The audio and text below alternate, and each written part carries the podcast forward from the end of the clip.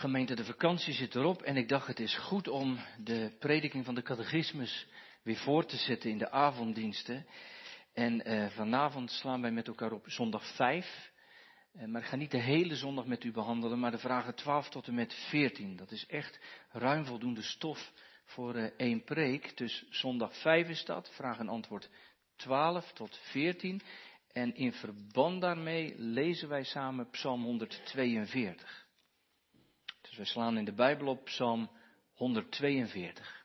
En daar staat boven gebed om hulp. En je zou kunnen zeggen, eigenlijk is het begin van het tweede deel, want we beginnen vandaag in deel 2 van de catechismus. En dat gaat over verlossing. En eigenlijk begint deel 2 met een soort gebed. Hè, van iemand heeft zijn ellende te horen gekregen. Waar en hoe vind ik verlossing? Psalm 42. Een onderwijzing van David, een gebed, toen hij in de grot was. Met mijn stem roep ik tot de Heere. Met mijn stem smeek ik de Heere. Ik stort uh, mijn klacht uit voor zijn aangezicht. Ik maak voor zijn aangezicht mijn benauwdheid bekend. Toen mijn geest in mij bezweek, kende u mijn pad. Zij hebben een strik voor mij verborgen op de weg die ik gaan zou. Ik keek aan mijn rechterhand en zie, er was niemand die naar mij omzag. Voor mij was de mogelijkheid tot ontvluchten verloren. Niemand zorgde voor mijn ziel. Tot u roep ik, heren. Ik zeg, u bent mijn toevlucht, mijn deel in het land der levenden. Sla acht op mijn roepen, want ik ben volkomen uitgeteerd. Red mij van mijn vervolgers, want zij zijn machtiger dan ik. Leid mijn ziel uit de gevangenis om uw naam te loven. De rechtvaardigen zullen mij omringen, want u bent goed voor mij.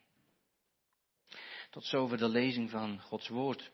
En we slaan nu ook in de Heidelberger zondag 5 en we lezen de vragen en de antwoorden 12 tot en met 14. En dat begint dus met het tweede deel, met de verlossing. Aangezien wij dan naar het rechtvaardig oordeel van God tijdelijke en eeuwige straf verdiend hebben, is er enig middel waardoor wij deze straf ontgaan mogen en weer tot genade komen? En dan is het antwoord, God wil dat aan zijn gerechtigheid genoeg geschieden. Daarom moeten wij aan haar of door onszelf of door een ander volkomen betalen. Maar kunnen wij door onszelf betalen? In geen wijze. Wij zouden tegenwoordig zeggen, totaal niet. Maar wij maken de schuld dagelijks meer. Kan ook ergens een bloot en eenvoudig ander schepsel gevonden worden dat voor ons betaalt? Nee. Want ten eerste wil God aan geen ander schepsel de schuld straffen die de mens gemaakt heeft.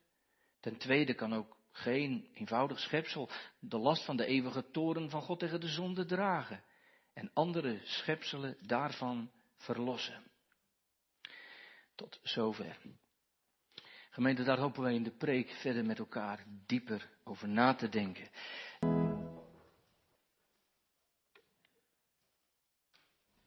Gemeente, hebt u wel eens echt eh, in de knel gezeten?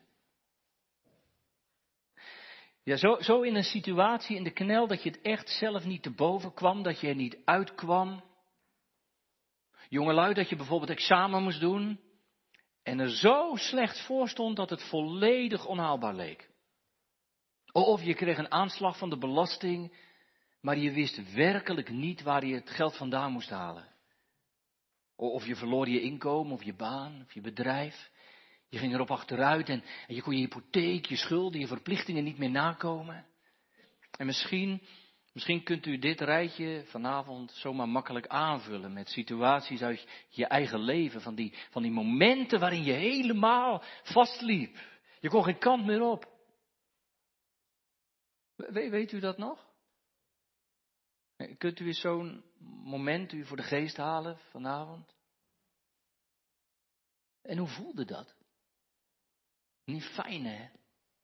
Niet fijn. Je, je voelt je ontredderd, onmachtig, reddeloos soms, hopeloos.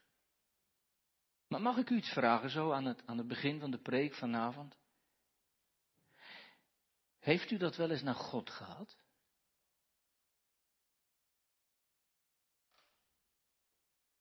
Toen hij de rekening van je leven presenteren. U, u weet toch wel wat ik daarmee bedoel toen je, toen je besefte, zo gaandeweg, dat je zondaar bent, schuldig voor hem, en dat er echt geen ontkomen aan is. Dat schud je niet af. In, in, de, in de Heidelberger Catechismus, daarom is dat boek zo prachtig, dat geloofsboek. Hoor je de Heidelberger daarover vertellen. Met de Bijbel in de hand. Zondag 2, 3, 4. Ik ben een zondaar, zegt hij, en ik kan er niet onderuit.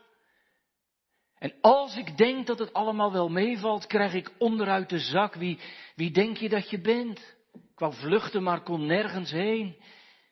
Bent u daar wel eens van geschrokken? Daar van geschrokken? En dan echt geschrokken? Nee, nee, nee, niet in de zin van, ja, ik heb een erge zonde gedaan en nu heb ik spijt. En dat zeg ik dan tegen God en dan is het klaar. Jongelui, jullie zeggen over zonde wel eens dat het fouten zijn. Soms denk ik wel eens bij mezelf, fouten? Fouten kun je verbeteren. Fouten kun je opnieuw leren, heb je daarna goed cijfer. Jongens, het zijn geen fouten. Zonde zijn dingen die, die je tussen God en jezelf kapot maakt. Waar wat wit is zwart wordt en niet meer schoon kan worden. Als je zondaar bent voor God, dan, eh, dan ben je verdoemelijk voor God. Dan ben je er geweest. Als dat met je gebeurt, dan, dan begrijp je, voor hem kan ik niet bestaan. En daarom vraag ik aan u of u er wel eens van geschrokken bent. Net als die dichter uit Psalm 130, die wel. Die denkt erover na. Die zegt, Heren, als u in het recht gaat treden, als u uw recht komt heren, halen en gadeslaat mijn ongerechtigheden, ik verga. Wie zal dan bestaan? En gemeente, dat gaat ook over u. En jongelui, dat gaat ook over jou. Al denk je vanavond, nou, dominee begint wel zo vlak na de vakantie, na dat gezellige zonnetje, wel een beetje pittig of zo. Nou, misschien is het wel dubbel mooi. Om eens te kijken waar het echt om draait in het evangelie. En dat God vanavond niet tegen jou zegt, dat moet je allemaal voelen. Maar zo zie je eruit. Jij bent zo, jij bent zo als de Bijbel zegt dat je bent. En je hebt verlossing nodig. En stel je voor, gemeente, dat God vanavond zegt en tegen u en jou zegt, het is genoeg geweest. Het is nu genoeg geweest, ik, ik roep je, je tijd zit erop, je genadetijd is voorbij, je sterft. En dan word je voor de rechterstoel van God gedaagd. Dat zegt de Bijbel, hè? De Bijbel zegt, het is de mens gezet eenmaal te sterven en daarna het oordeel. En, en dan gaan de boeken open, zo lees ik in openbaring. En Paulus zegt tegen de gemeente in Korinthe dit, want, zegt hij, wij moeten dat. Wij moeten alle voor de rechterstoel van Christus geopenbaard worden. Opdat ieder vergelding ontvangt voor wat hij door middel van zijn lichaam gedaan heeft. Het zij goed, het zij kwaad. Beloning voor het goede en straf voor het kwade. Ooit gemeente, staan wij daar. U ook. En jullie ook, jongelui, ooit sta je je daar, oog in oog. En ik ook. En daar is geen ontkomen aan. En, en dan worden, lees ik in openbaring 20, de doden geoordeeld naar hetgeen in de boeken geschreven is, naar hun werken. En daar sta je dan. Voor God. En Hij weet alles. Alle dingen. En ik, ik ben een zondaar. Een mens. Schuldig voor zijn hoog gericht, zegt de Bijbel. Nee, gemeente, dat, dat doe je toch vanavond niet alvast gesomber of zo. Dat is, dat is realiteit. Als de regering straks terugkomt van vakantie en het wordt hoog tijd, dan gaan ze spreken over al die crises die in ons land boven ons hoofd hangen. En, en de enorme prijs, wat in de kerkenaaskamer nog over van de gas en zo. Dat, dat is toch echt een probleem wat komt. Dan zeg je toch niet van de regering, nou, we hebben een vrij sombere regering. Nee, dan hoop ik dat ze oplossingen gaan zoeken in de crisis of, of dat ze wegen gaan wijzen die begaanbaar worden. Gemeente, als we het in de kerk erover hebben, dan, dan is dat omdat dat de realiteit is. God zal u oordelen om uw werken. Ja, zegt iemand, maar, maar beseft u niet dat mensen daar bang van worden? Oh ja? Weet u wat ik wel eens denk? Ik zou wel eens willen dat er meer mensen zouden schrikken van het oordeel van God. Dat denk ik wel eens. Dan, dan zouden we misschien veel meer op Jezus aanleven. Dan zouden we ook misschien veel ernstiger leven. Dan, dan, dan zouden we misschien wel veel ernstiger omgaan met de opvoeding. En dan zouden we niet zo makkelijk zondigen of laten zondigen. Het kan geen kwaad, gemeente. Het kan geen kwaad dat je, dat je wel eens schrikt en dat de zaak in je leven wel eens op scherp komt. En dat je geconfronteerd wordt met de heiligheid en de majesteit en de heerlijkheid van God tegenover jouw verzondigde leven. Want dat is wel de realiteit. Paulus zegt ergens, wij dan wetende de schrik des Heren. Hij zegt niet wij dan weten de gezelligheid des Heren en de liefde des Heren en de fijn. Wij dan wetende de schrik des Heren, dat God korte metten maakt met de zonde bewegen de mensen tot het geloof. Tuurlijk. Dus daarom is het niet erg als je wel eens u, weet u waarom dat geen kwaad kan? Jongelui, weet je waarom dat geen kwaad kan als je wel eens schrikt? Omdat je dan des te intenser gaat zoeken naar redding, naar verbetering, toch? Omdat je dan des te meer in de gaten krijgt dat, dat je de Heer Jezus nodig hebt, die, die je zalig maakt van je zonde. Dat je des te meer gaat zien dat het kruis het kruispunt moet zijn in je leven. Omdat je er dan achter komt dat, dat de Heer alleen genoegen neemt met een echt geloof en met oprechte bekeringen en verandering in je leven. Gemeente, met minder kan het niet. Nooit.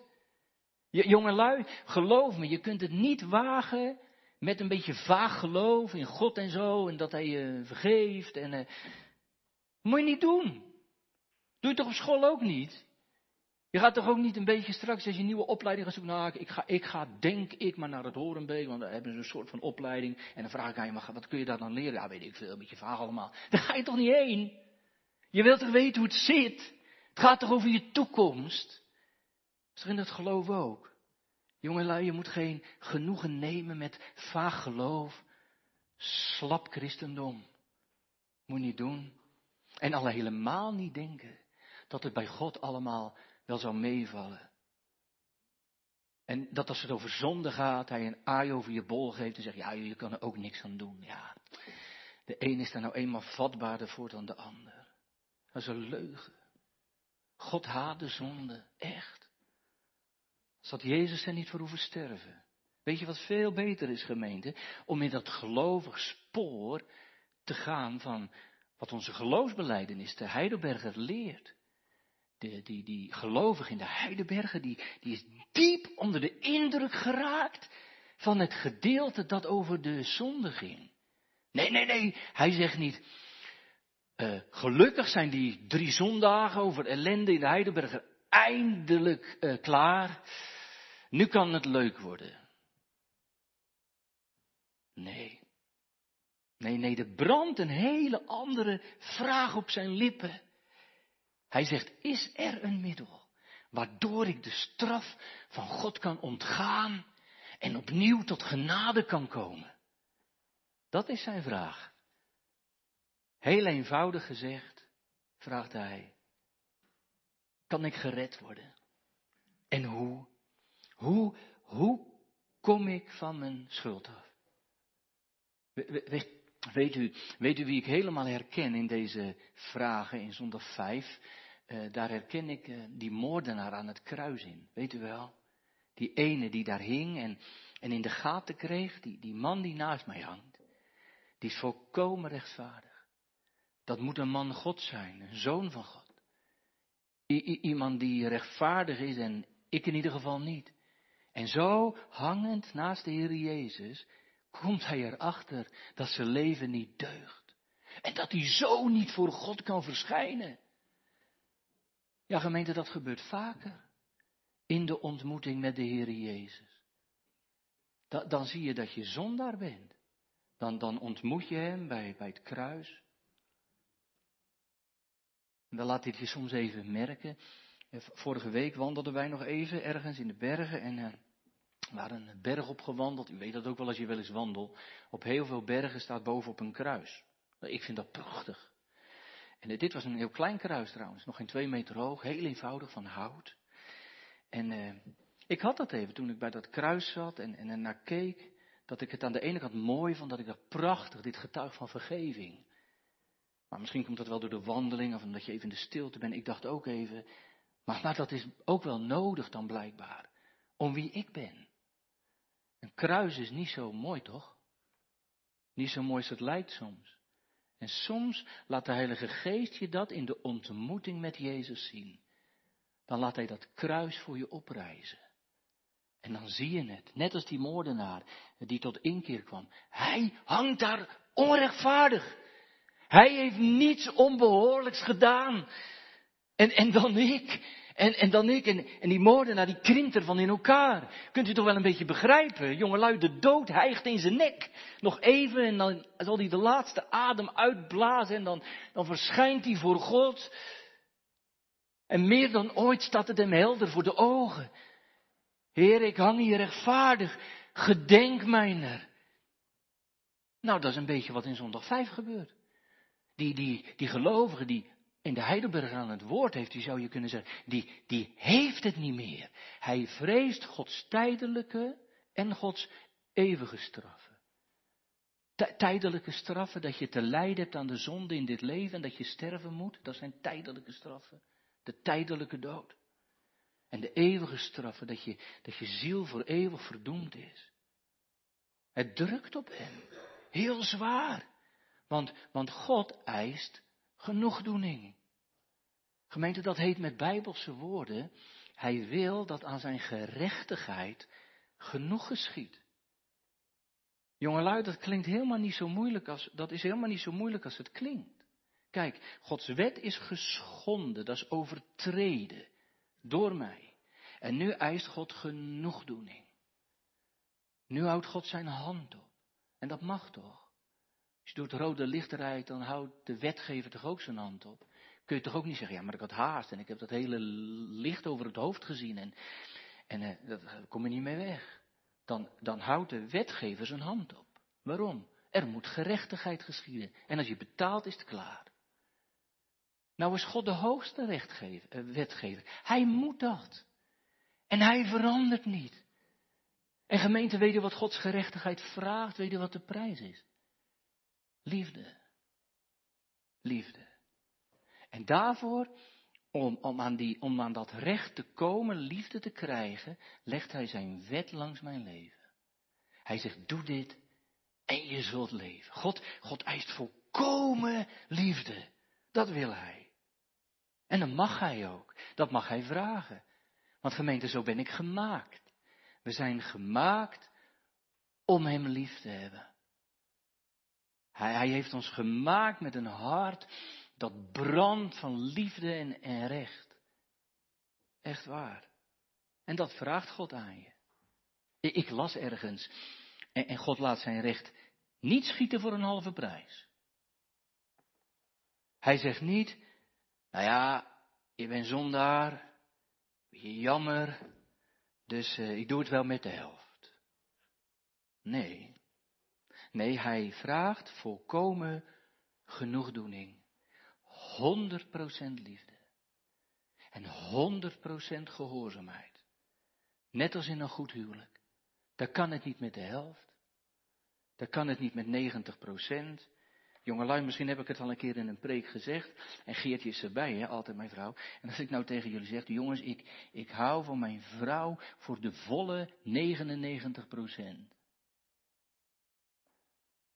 Dan, dan zitten jullie nu te denken, die messenmaker, waarom niet honderd? Want dat moet toch? Als je verkering krijgt, dan ben je weer verkering. Zullen we gaan trouwen? Dat is goed. Ik trouw met je. En voor de volle 99% ben ik er zeker van. Dan zeg je, dat trouw ik niet. Ik wil volkomen liefde. Dat is wat God doet. Hij zegt, ik wil volkomen liefde, volkomen gerechtigheid en gehoorzaamheid. Alleen, en als je dat, en als, als niet, dan val je er buiten. Dan val je buiten Gods liefde. Maar dat is erg. Als je buiten Gods liefde valt, dan, dan zal zijn rechtvaardig oordeel over je leven ontbranden. En daarom zegt God, ik eis genoegdoening. Met andere woorden, je moet betalen. Leg op tafel wat je hebt. En gemeente, probeert u dat ook wel eens, om op tafel te leggen wat je hebt. Om dan, om dan bij God in een soort reinen te komen. Misschien wel op een hele vrome manier. Proberen we allemaal wel. Dan leef je zo christelijk mogelijk, zo kerkelijk mogelijk. Je probeert er alles aan te doen, je bent ernstig. En je bent serieus. En je slaat geen dag over om uit je Bijbel te lezen en stille tijd te houden. Je komt trouw in de kerk. Je blijft zoeken. Dus op een hele ernstige, serieuze manier probeer je toch echt wel gewoon bij God in het reine te komen. Of, dat is ook een andere kant hoor, je doet het op een hele lichtzinnige manier, die zijn er ook wel. Dan zeg je, nou ja, het, het komt uiteindelijk wel goed bij God, ik geloof toch? Ik, ik ben toch gedoopt? En je hoeft helemaal niet zo zwaar op de hand te zijn, als je het maar meent. Ja, ja, als je het maar meent. En, kun je dan op die manier uh, de, de afbetaling voor de zonde op tafel bij God leggen? Zou mooi zijn, hè? Dan, dan heb je het zelf verdiend, dan ben je uit de sores. Zonder je hand op te houden. Heb je niet hoeven doen. Want dat willen we niet. We, we, we, willen natuurlijk niet horen, ja, maar dat kun je niet. En je wilt het ook niet. Ik wil dat helemaal niet horen. Ik wil helemaal niet horen dat ik niks heb. Want, want, want dan, ja wat dan? Gemeente, dan, dan sta ik mijn lege handen. Dan ben ik een beetje machteloos. Jongelui, dat willen we toch helemaal niet? Je wilt toch niet een beetje machteloos zijn, afhankelijk zijn? Maar geloof me gemeente, daar wil God je wel hebben. Er moet volkomen betaald worden, maar je hebt niks.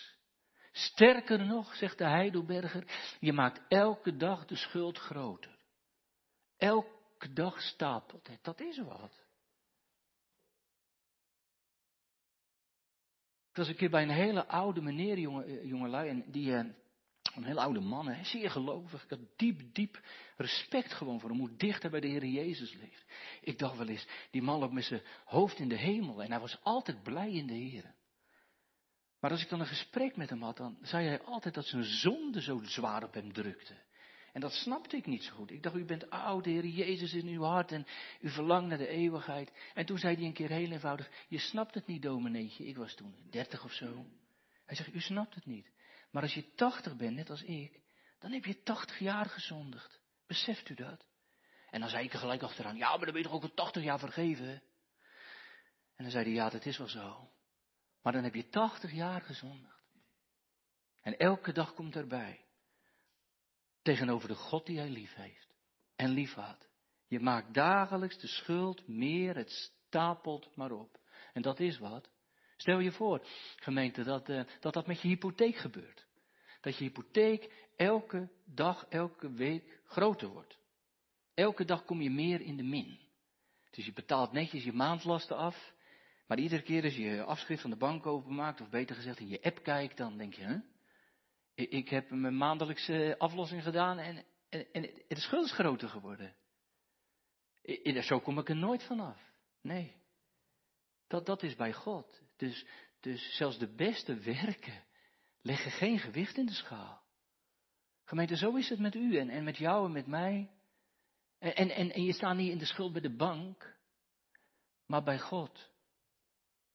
Bij God die, die alles weet en mij kent die alles berekent tot achter de komma en die mij mijn schuld toerekent. En niets, niets, niets kun je daaraan afdoen. Niets. Maar, maar hoe dan? Maar dat is best vernederend hè, om die vraag te stellen die vandaag gevraagd wordt. Heb je dat wel eens meegemaakt om je hand op te houden? Omdat je zelf niks had? Toen ik net afgestudeerd was. En wij waren al getrouwd en we hadden drie kinderen.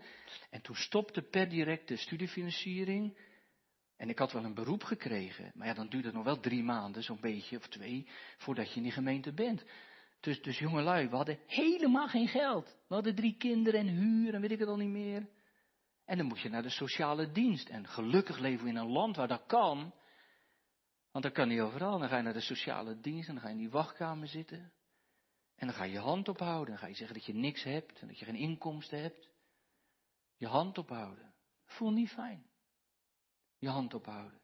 Je bent volwassen, je hebt soms een eigen leven opgebouwd, je maakt je eigen keuzes toch, soms in weerwil van wat je ouders misschien wilden. En, toen kwam je in de zorgen en eh, je kwam er niet meer uit en, en toen ging je naar je vader. En je ging je hand ophouden, zo zeggen wij dat dan, en je hand ophouden. Dat doet zeer hoor. Het is al een zegen als je naar je vader kunt en durft, maar doe wel zeer. En, en, je weet heel goed dat je vader je duizend keer zou willen helpen als je duizend keer je hand op zou houden.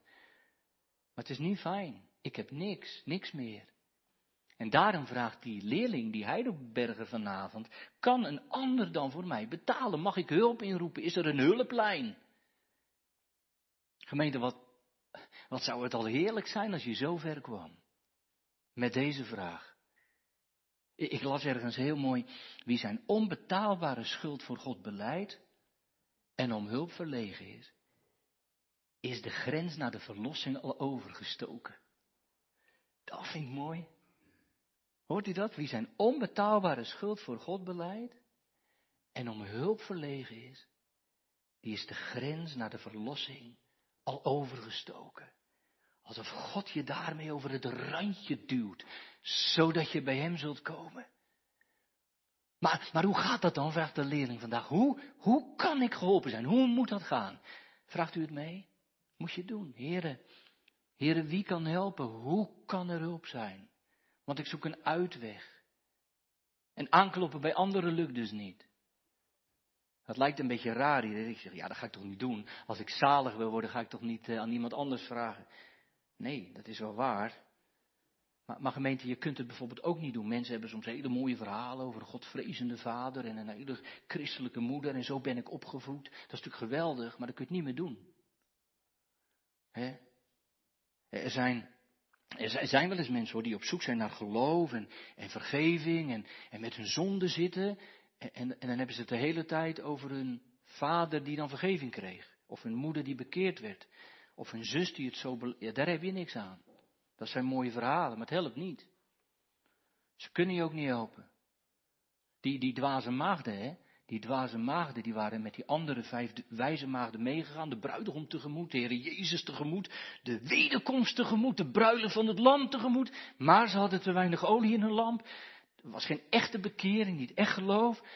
Maar niemand kon ze helpen. Je kon niet vragen aan die anderen, neem me dan even mee, geef me een beetje geloof, help me de hemel in. Dat kan niet.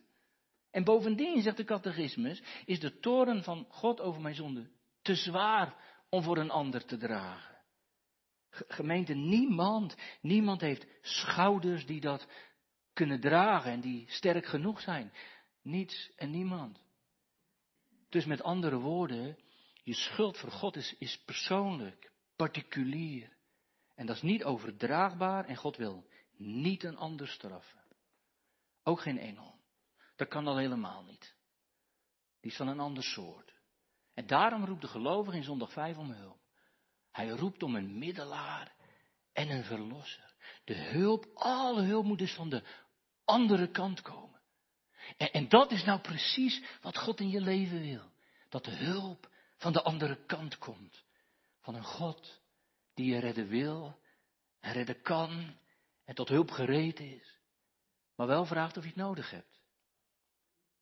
Hé jongens en meisjes, ik, eh, toen ik een, een, nog een kleine jongen was, gewoon jong was, net als jullie, en eh, ging ik wel eens met een van mijn ooms mee naar zee. Dat vond ik geweldig. Ik wilde ook heel graag zeeman worden. Ik wilde helemaal geen dominee worden.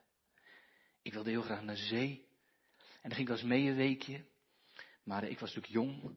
En die matrozen op zo'n schip, dat waren een beetje ruwe lui altijd. Die zaten altijd gewoon te, te zuigen. Dat hoort een beetje bij zo'n leven aan boord. Maar goed, we, we, lagen een keer in de haven van Stellendam. En uh, ik liep zo een beetje over het schip en dan kwamen twee van die gasten weer aan en weer een beetje zuigen en dingen. Die wilden mij bang maken en, en die hielden me zo boven het water, zo, over de reling. Maar ja, ik hield me natuurlijk eerst vast aan die gasten, want ik was doodsbenauwd. Ik had gewoon mijn, mijn, mijn jas aan en mijn laarzen. Maar ze lieten me vallen. En ik viel zo in de haven. En uh, dat is best gevaarlijk, hè. Met, met een grote jas aan, zo'n zo, zo regenjas en laarzen, dat liep natuurlijk meteen vol. Maar gelukkig lag het schip tegen de kant. En, en kon ik de kant bereiken. Mijn oom was natuurlijk woedend. Maar stel je voor, stel je voor dat dat op zee gebeurt. Als dat nou midden op zee gebeurd was. Je valt in het water, je, laarzen lopen vol. Wie haalt je er dan uit? En niemand, kan niet. Als iemand die ernaast springt, verdrinkt hij ook. weet je, jongens en meisjes, misschien voor jullie een beetje moeilijk om te begrijpen, maar eigenlijk is dat met geloof ook. De, de Heere God zegt, doordat je zonde gedaan hebt, ben je uit de boot gevallen, midden op zee. Maar hoe kom je nou weer in het schip? Ja, dat moet iemand anders doen. Dat moet God doen.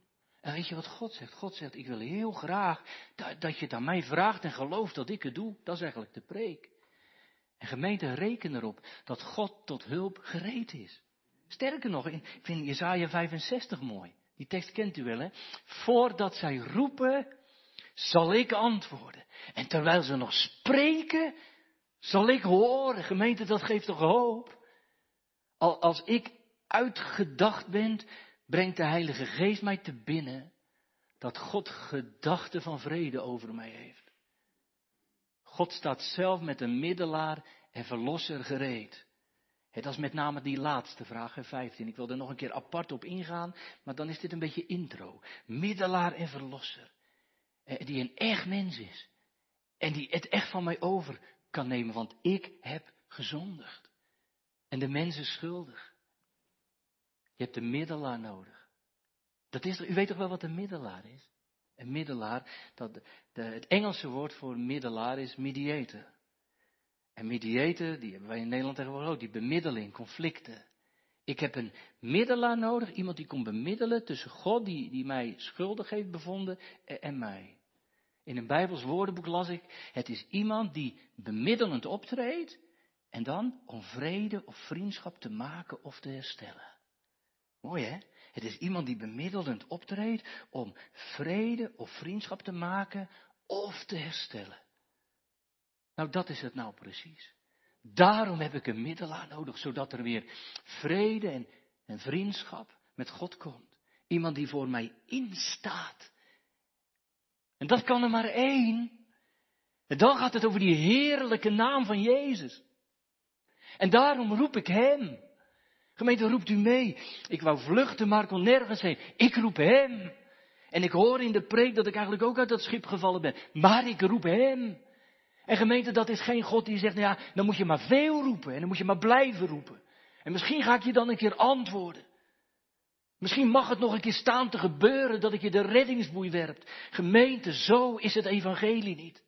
Het evangelie is rijke verkondiging van genade, waarin Jezus Christus je wordt voorgesteld en je mag hem aanroepen. En God zegt, wie mij aanroept in de nood, die vindt mijn gunst oneindig groot.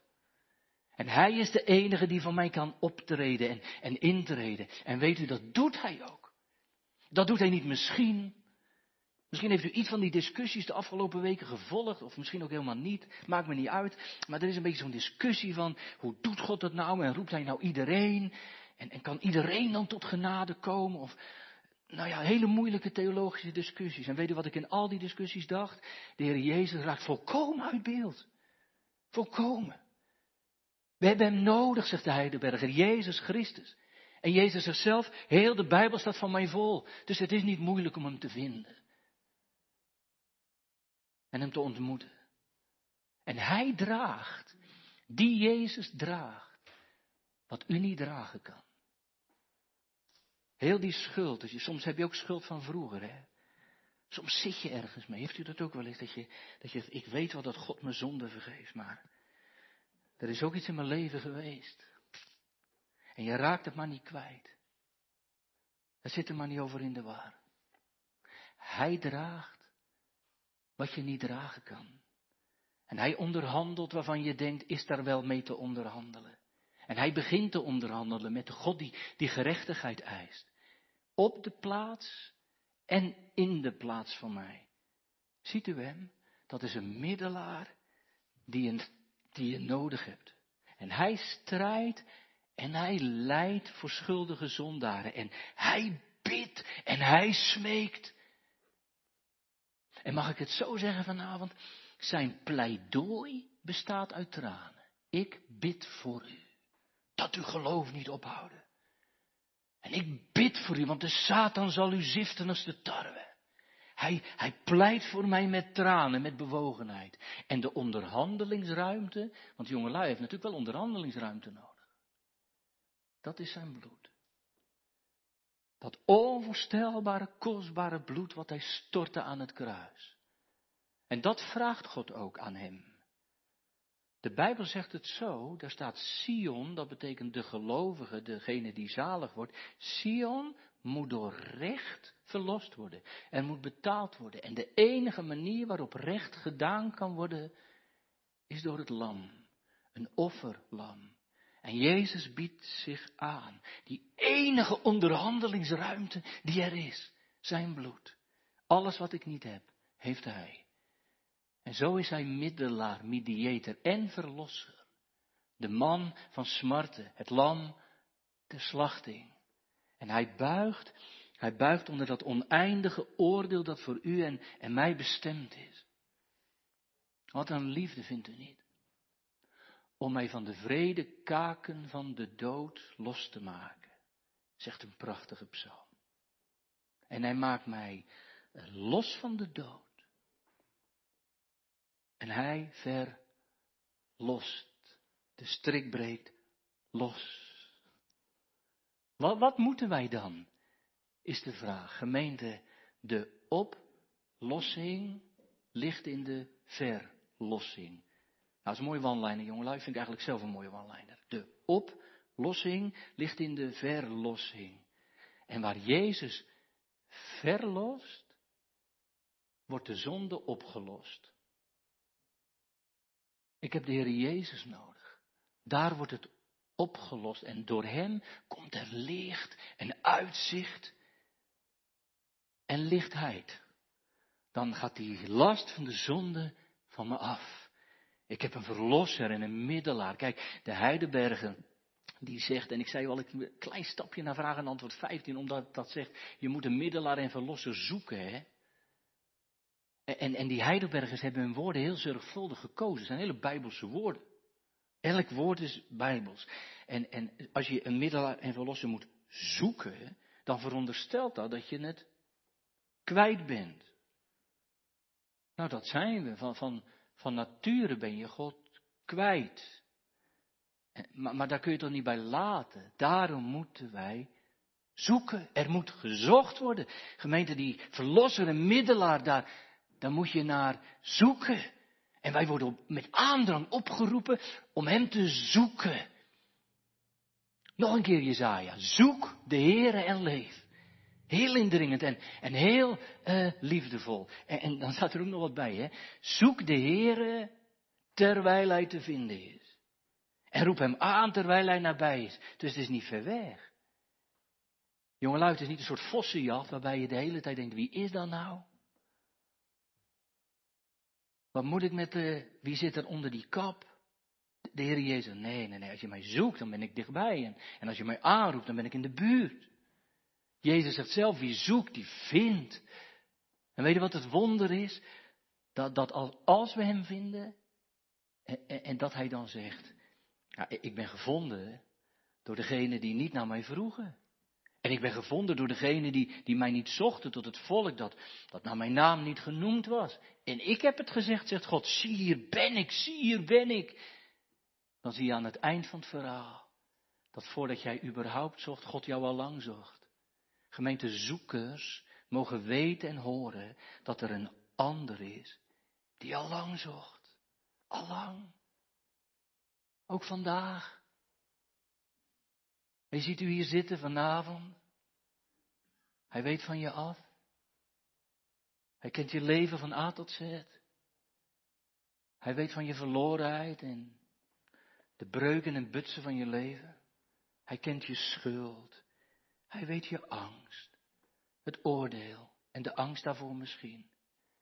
Of dat je altijd maar zoekt naar die zekerheid of denkt, is het dan ook wel op mij gemunt? En weet je wat hij dan zegt? Dan zegt hij, ik, ik ben gekomen om te zoeken en zalig te maken wat verloren is. Dat zoek ik en dat vind ik. En dan, als dat evangelie je raakt, dan, dan wordt het licht in je leven en dan wordt het licht in je leven. Snapt u allebei de kanten? Waardoor kan ik de straf ontgaan en, opnieuw tot genade worden aangenomen? En het antwoord ligt in mijn heiland. Alleen in Hem. Niet in al die wetenswaardigheden die, die gelovigen soms worden toebedeeld. Weet u, ik word er steeds meer mismoedig van. Dat het gaat om bekeringsverhalen en om hoe diep de zonde is en hoe groot dit is en hoeveel de geest. Het antwoord ligt in mijn heiland. In Hem alleen. In zijn doorboorde handen. En één ding geloof ik. Dat Hij die doorboorde handen naar mij uitbreidt. En, en mij verloren, in zichzelf verloren zondaar toefluistert. Ik voor u. Ik voor u. Omdat je anders de eeuwige dood moet sterven. En door het geloof verlies ik me dan helemaal aan Hem. En ben ik geborgen. Waar zal ik het vinden? In die ene heerlijke naam van Jezus. En dan, zegt een mooie hier dan ben ik veilig in Jezus armen. En veilig aan Jezus hart. Daarin zijn teer erbarmen, daar rust mijn ziel van smart. Jezus, mijn diepere toevlucht, Jezus, u stierf voor mij. En dat op die rots der eeuwen eeuwig mijn hopen zij. Amen.